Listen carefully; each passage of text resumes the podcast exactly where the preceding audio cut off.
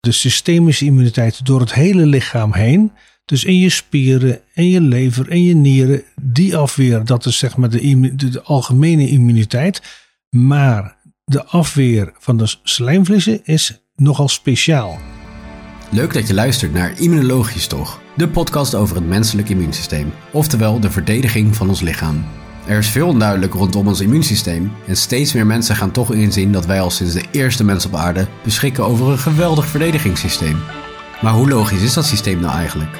Wat weten we er nu echt van en wat kan er nog meer zonder dat wij dat weten? Hoe kan het ons genezen in de toekomst? En hoe kunnen we ziektes voorkomen? In deze podcast ga ik, Sjoerd Brouwer, samen met hoog aangeschreven immunoloog professor Jacques van Dongen proberen deze onzichtbare wetenschap zichtbaar te maken. Veel luisterplezier.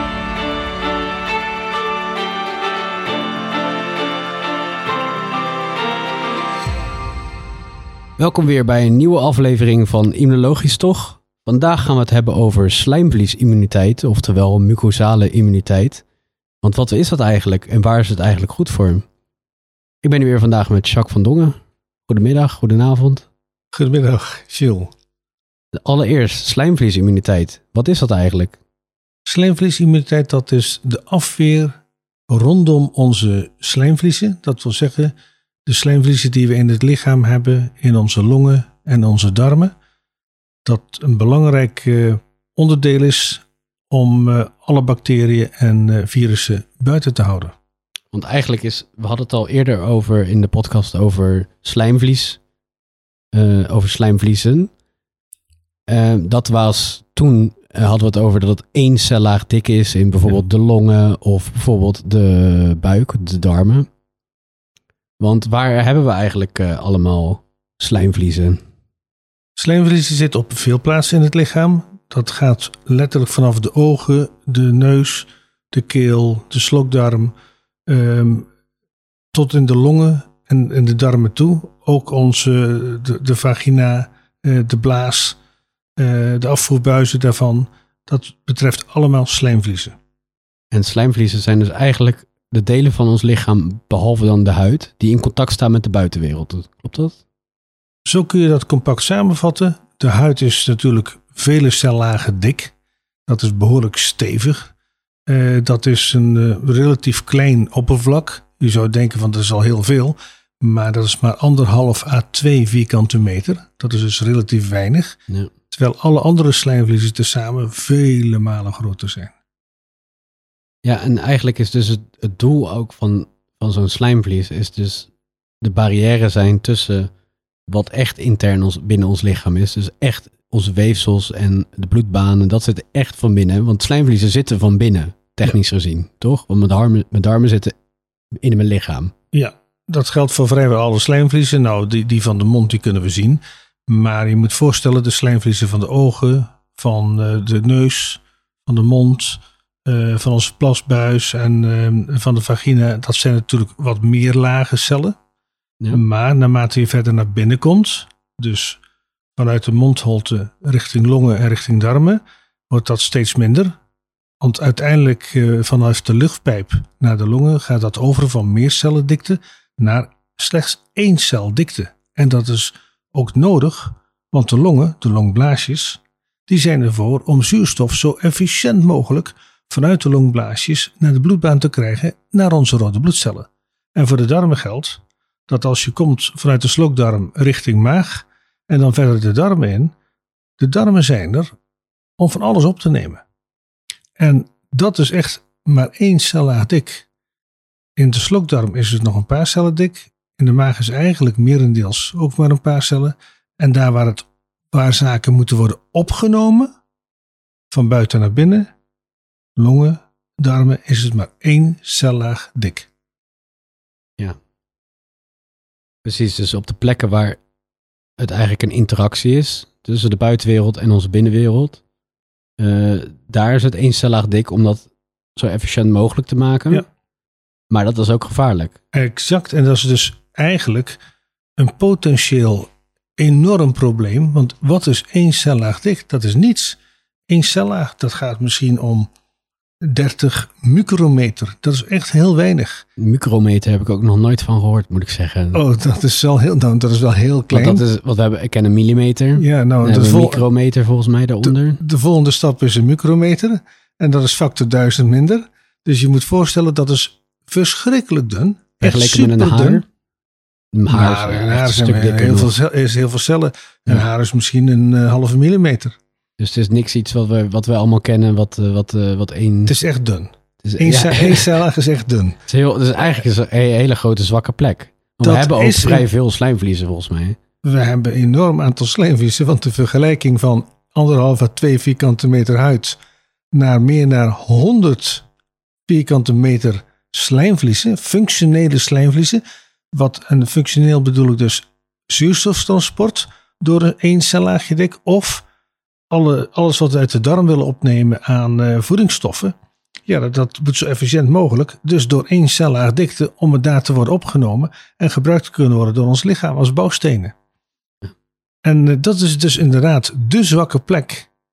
En wat hebben we daarvoor nodig? Een fantastisch werkend afweersysteem om buiten te houden wat buiten gehouden moet worden en te kunnen doorlaten wat naar binnen moet. Precies, we moeten even een onderscheid maken. Want hiervoor hebben we het heel even over, in een andere aflevering hebben we het heel kort over slijmvliesimmuniteit gehad. Ja. Eh, ook in de aflevering over ouderen. eh, dat het eigenlijk steeds belangrijker wordt zo naarmate je ouder wordt. Want we hebben, moeten even on- we hebben dus een weefselimmuniteit. En Ja. dat is dus eigenlijk de- het hele systeem. En we hebben een specifieke afzonderlijke slijmvliesimmuniteit. Ja, Zeg dat goed? eh, Dat zeg je goed, want dat is het, een belangrijk onderscheid in eh, de afweerkunde, in de immunologie. Ehm, de, de weefselimmuniteit, de, wat we ook wel noemen de systemische immuniteit, door het hele lichaam heen. Dus in je spieren, in je lever, in je nieren. Die afweer, dat is zeg maar de, de algemene immuniteit. Maar de afweer van de slijmvliezen is nogal speciaal.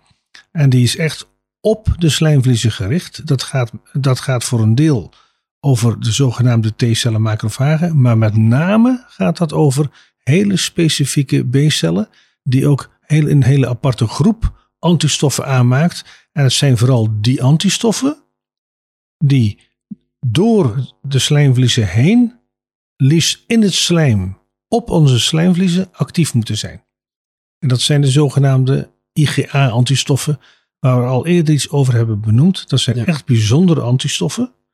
Die worden vooral, ik wil niet zeggen uitsluitend, maar vooral gemaakt in en rondom onze slijmvliezen. Want die IgA-antistoffen, die komen niet zomaar voor. Dat zijn geen losse antistoffen, die zijn er altijd twee aan elkaar gekoppeld.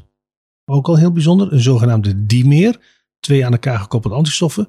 Die worden keurig door speciale eiwitten getransporteerd vanuit de onderliggende weefsels door het slijmvlieslaagje heen, de- echt door de cellen heen, door de cellen van onze slijmvliezen heen, worden die getransporteerd naar het slijm.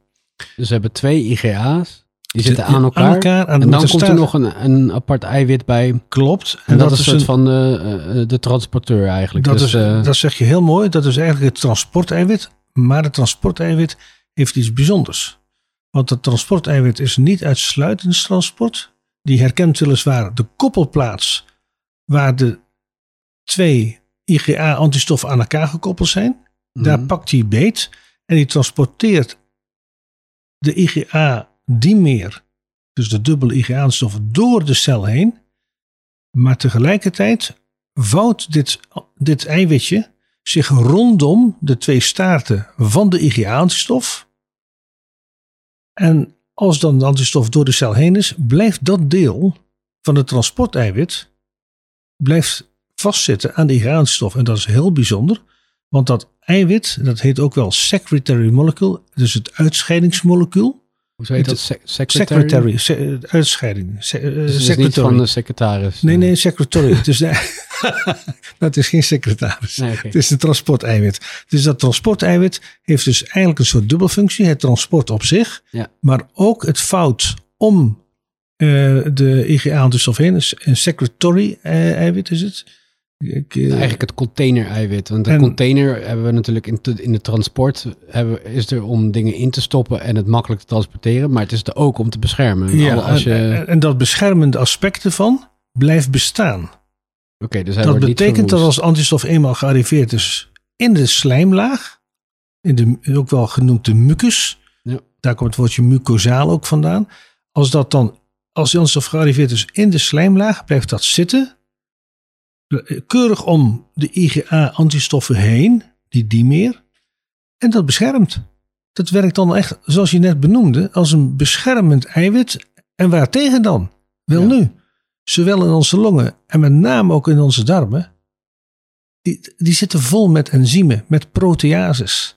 Die kent Ja. iedereen, iedereen hebben van de was, gehad, van de zeep en zo. Ja, de afbreekcellen. De afbreekenzymen. En die afbreekenzymen, die zijn broodnodig om allerlei zaken af te breken. Zeker van het voedsel, om af te breken tot kleine deeltjes, zodat ze door onze slijmvliezen heen kunnen. Maar natuurlijk zullen diezelfde enzymen, die afbreekenzymen, die gaan de antistoffen ook Ja, want die aantasten. zijn niet gericht. Die kunnen niet zien van, oh, Nee. ik ga nu dit. Dit zijn Nee. gewoon, die, die trappen alles kapot die, eigenlijk. die maken eh, alles kapot, uiteindelijk ook zichzelf. hooligancellen zijn Eh, dat. ja. eh, Nou, ze, ze, maar er zijn enzymen die, knip- die knippen overal in. En juist dat beschermeiwitje, dat secretory molecule, dat beschermende eiwitje wat om IgA is heen gevouwen, beschermt in feite de IgA-antistoffen tegen dat versnelde afbreken. Wat bij andere antistoffen, stel dat het nou dat wil ik vragen inderdaad. Want zien we dan ook alleen maar IgA in, in, in het slijmvlies? Voor het, voor het merendeel. Er komen ook andere antistoffen voor in de buurt van de slijmvlies. Want natuurlijk, zodra een bacterie of een virus alsnog door kan dringen, door de slijmvliezen heen, dan moet je van alles paraat Dus hebben staat er heel leger, dan staat er staat er al ook klaar. IgG, IgA, ja. allerlei verschillende Maar soorten echt in het antistoffen. slijm zelf, In daar vinden we alleen IgA. vooral, vooral. Voor- Ik wil niet zeggen Maar uitsluitend. dat betekent dus wel dat er een IgA, of sorry, een IgG of een IgE zou kunnen doorbreken. En voor de duidelijkheid, de Ig's zijn allemaal antistoffen en die worden aangemaakt door B-cellen. Daar Ja. komen we nog later wel een keertje op terug om dat eh, te verduidelijken. Ja. Maar we hebben er volgens mij zes. Zeg ik dat goed? Zes? ja, er zijn er zelfs meer. Er zijn, zijn er, er- ja, er zijn er altijd meer. Nee, in, in, in totaal zijn er eh, zeven. Als we even, even tellen, we hebben vier, vier IgG, twee IgA. Stel, dat Ja. is al zes. Dan heb je nog IgM, IgD en IgE. ja, Dus er zijn negen verschillende zogenaamde antistoffarianten, isotypes. precies. En die hebben allemaal, want het, één B-cel zou ze theoretisch allemaal kunnen maken. Dat gebeurt niet, want een B-cel kiest voor de ene of voor de andere productie. En wat is de clue van deze staart van de antistoffen? Dat die hebben allemaal verschillende functies. Dus op de ene plek in het lichaam heb je liever IgG1, op de andere plek in het lichaam heb je liever IgA. Of sommige plekken is IgM fantastisch en andere plaatsen is IgE weer Het zijn functioneel. dus gespecialiseerde soldaten eigenlijk. Echt. eh, ja, ze de ene in een winteroutfit om in, de- in de sneeuw te vechten en de andere Zo met zou je dat eh, kunnen... een- ja. Met een Ja, scope mooi. om van ver af te schieten. En de IgA is dus in dit geval specifiek voor de slijmvlies. Voilà. Voilà, daar, daar, daar, en dat is ook al de enige reden daarvoor is ook omdat zij kunnen aanhechten aan het eiwit wat, zich, wat ze beschermt. Omdat ze anders kunnen, want dat wilde ik vragen. Een IgG komt dus soms in het slijm voor, maar dat is dan pure luck eigenlijk. Ja, dat- omdat die- hij dan nog niet geknipt is door zo'n enzym. Klopt. Die komt natuurlijk ook voor. Want er is ook in het afweersysteem is er niets zwart-wit. Eh, maar het meest beschermd en het makkelijk transporteerbaar, dat is duidelijk, dat is IgA. Ja. Dus dat IgA wordt aangemaakt. En we moeten wel goed voorstellen dat of het nou IgA of IgG of IgM is, in principe is het dat deeltje van het antistof wat heel specifiek een, een onderdeeltje van een bacterie of virus kan herkennen, dat stukje kan gekoppeld worden aan verschillende antistofstaten. Dus dat is die IgG, IgA, IgM en dergelijke meer. Eh, maar die specificiteit, die nauwkeurigheid van aanhechten, als dat zou gaan om dezelfde aanhechting, dat blijft. Maar de staart van de antistof, die de verschillende functies kan hebben, die kan de B-cel dus veranderen al naar vanand nodig is in het lichaam. En de functie van IgA is dan, de, de van de IgA is dan voornamelijk dat hij kan binnendringen eh, of kan aanhechten aan, eh, aan het eiwit dat, dat Klopt. het beschermt. Klopt. Waardoor we dus slijmvliesimmuniteit hebben. Da- daarmee hebben we inderdaad slijmvliesimmuniteit op basis van de antistoffen die terecht kunnen komen in ons slijm. En daar al, als een bacterie of een virus arriveert, de functie kan uitoefenen met als allerbelangrijkste punt voorkomen dat überhaupt de arriverende bacterie of virus kan aanhechten aan ons slijmvlies. Dus het is eigenlijk... Dus echt, wat we al eerder zeiden, de frontlinie zijn onze slijmvliezen. Dat is waar we het eerste contact met de vijand hebben. Klopt. En hoe specifieker je, je daar al kunt blokkeren, de bacterie of de virus kunt blokkeren in zijn aanhechting, hoe minder problemen je hebt. Ja. Ja, dat is ook logisch eigenlijk. Dus dat je, je kan niet door de, zodra ze door de, de, de frontlinie heen zijn, dan moet je natuurlijk, wat ik ook al eerder heb gezegd, is dan moet je je kerken en uh, de, de belangrijke wegen, je moet alles gaan beschermen. Want zodra, maar zodra je de vijand buiten houdt, is er eigenlijk weinig aan de hand. Want in het slijmvlies kunnen ze prima zitten, toch? Want dat dus, is ook wel bekend over de, de mucus, over, de, over het slijm.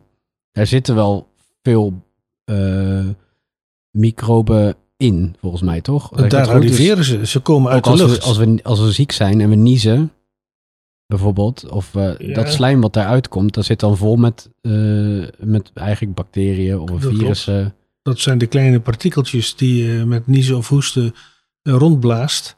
En uh, die in feite ook andere mensen kunnen besmetten als je geïnfecteerd bent met een bacterie. Maar dan zijn ze al aangehecht, toch? Die, die zijn aangehecht in principe, want die, de grote productie van bacteriën en virussen kan uitsluitend plaatsvinden als lokaal in de longen of in de darmen. Uh, dat, uh, als, als de bacterie of virus kan aanhechten. Want alleen door aanhechting en beschadiging van onze slijmvliezen vindt ook de vermenigvuldiging plaats van de bacteriën en virussen. Bacterie of virus komt aan, dus bijvoorbeeld coronavirus komt aan, komt in onze longen terecht, op onze slijmvliezen, hecht aan met zijn spike-eiwit. Ja. Als ze geen IgA-antistoffen hebben om dat te blokkeren. Die cel wordt binnengedrongen door het virus. Dan gaat dat virus in die slijmvliescel vermenigvuldigen. Nog meer cellen beschadigen, nog meer vermenigvuldigen.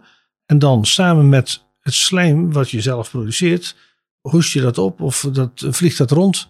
En uh, op die manier kan het virus zich verspreiden. Totdat je zoveel antistof hebt aangemaakt dat dat virus niet meer kan aanhechten. Ja.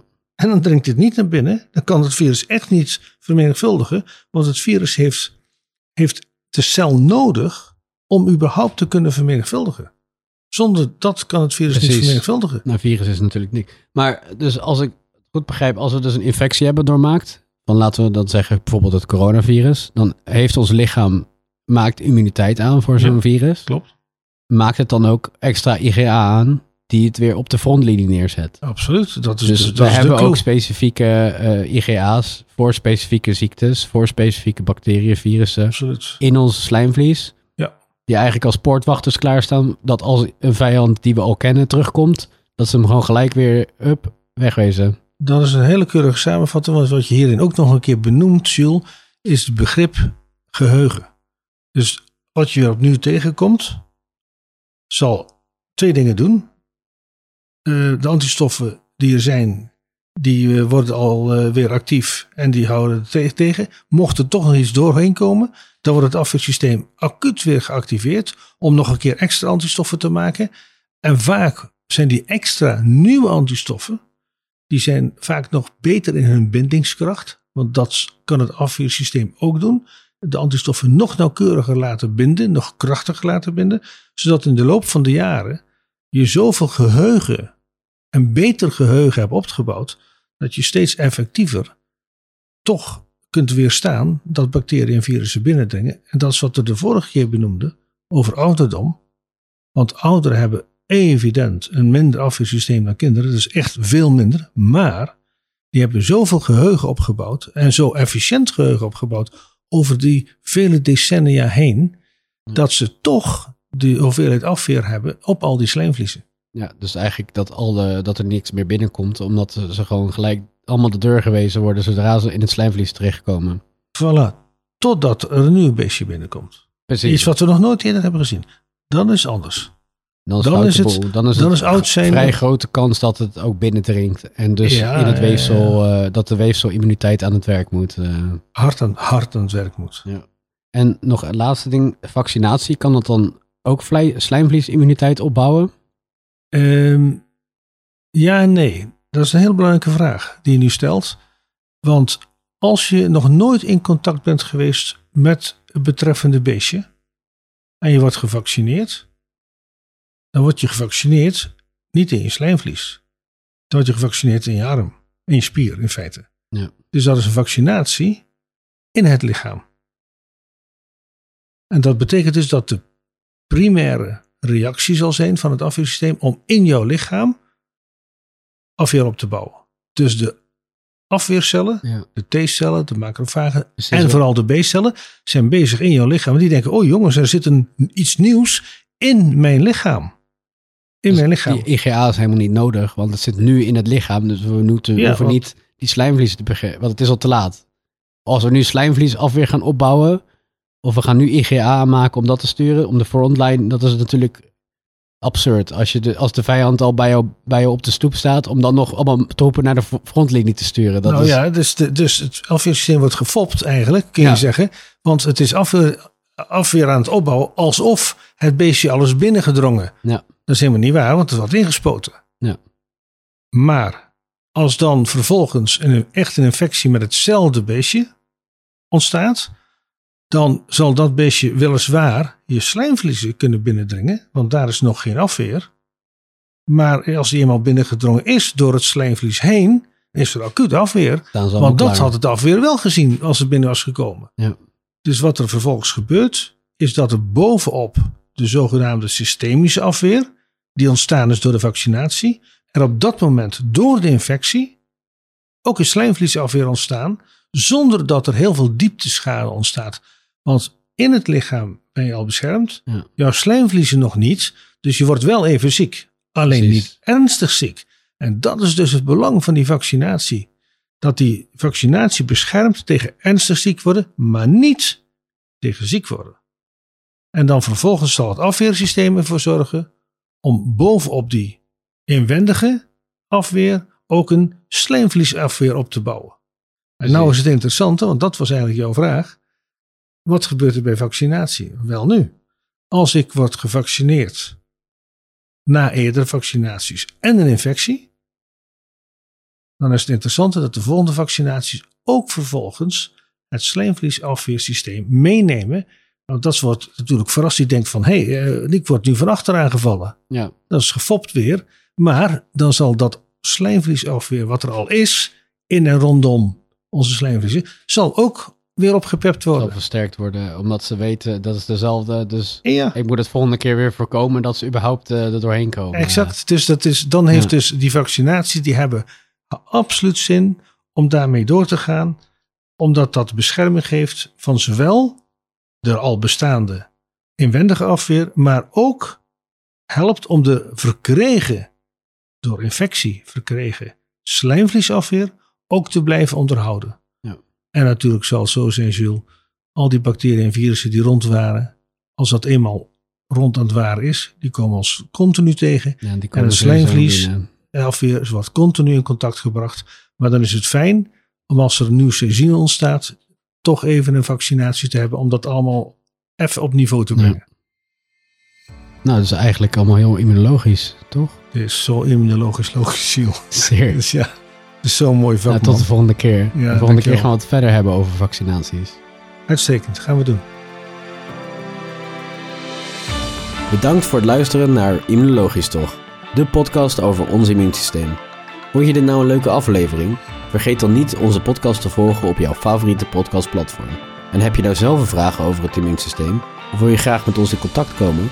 Stuur dan een mailtje naar info.weerstandsfonds.nl Deze podcast wordt mede mogelijk gemaakt door het Weerstandsfonds.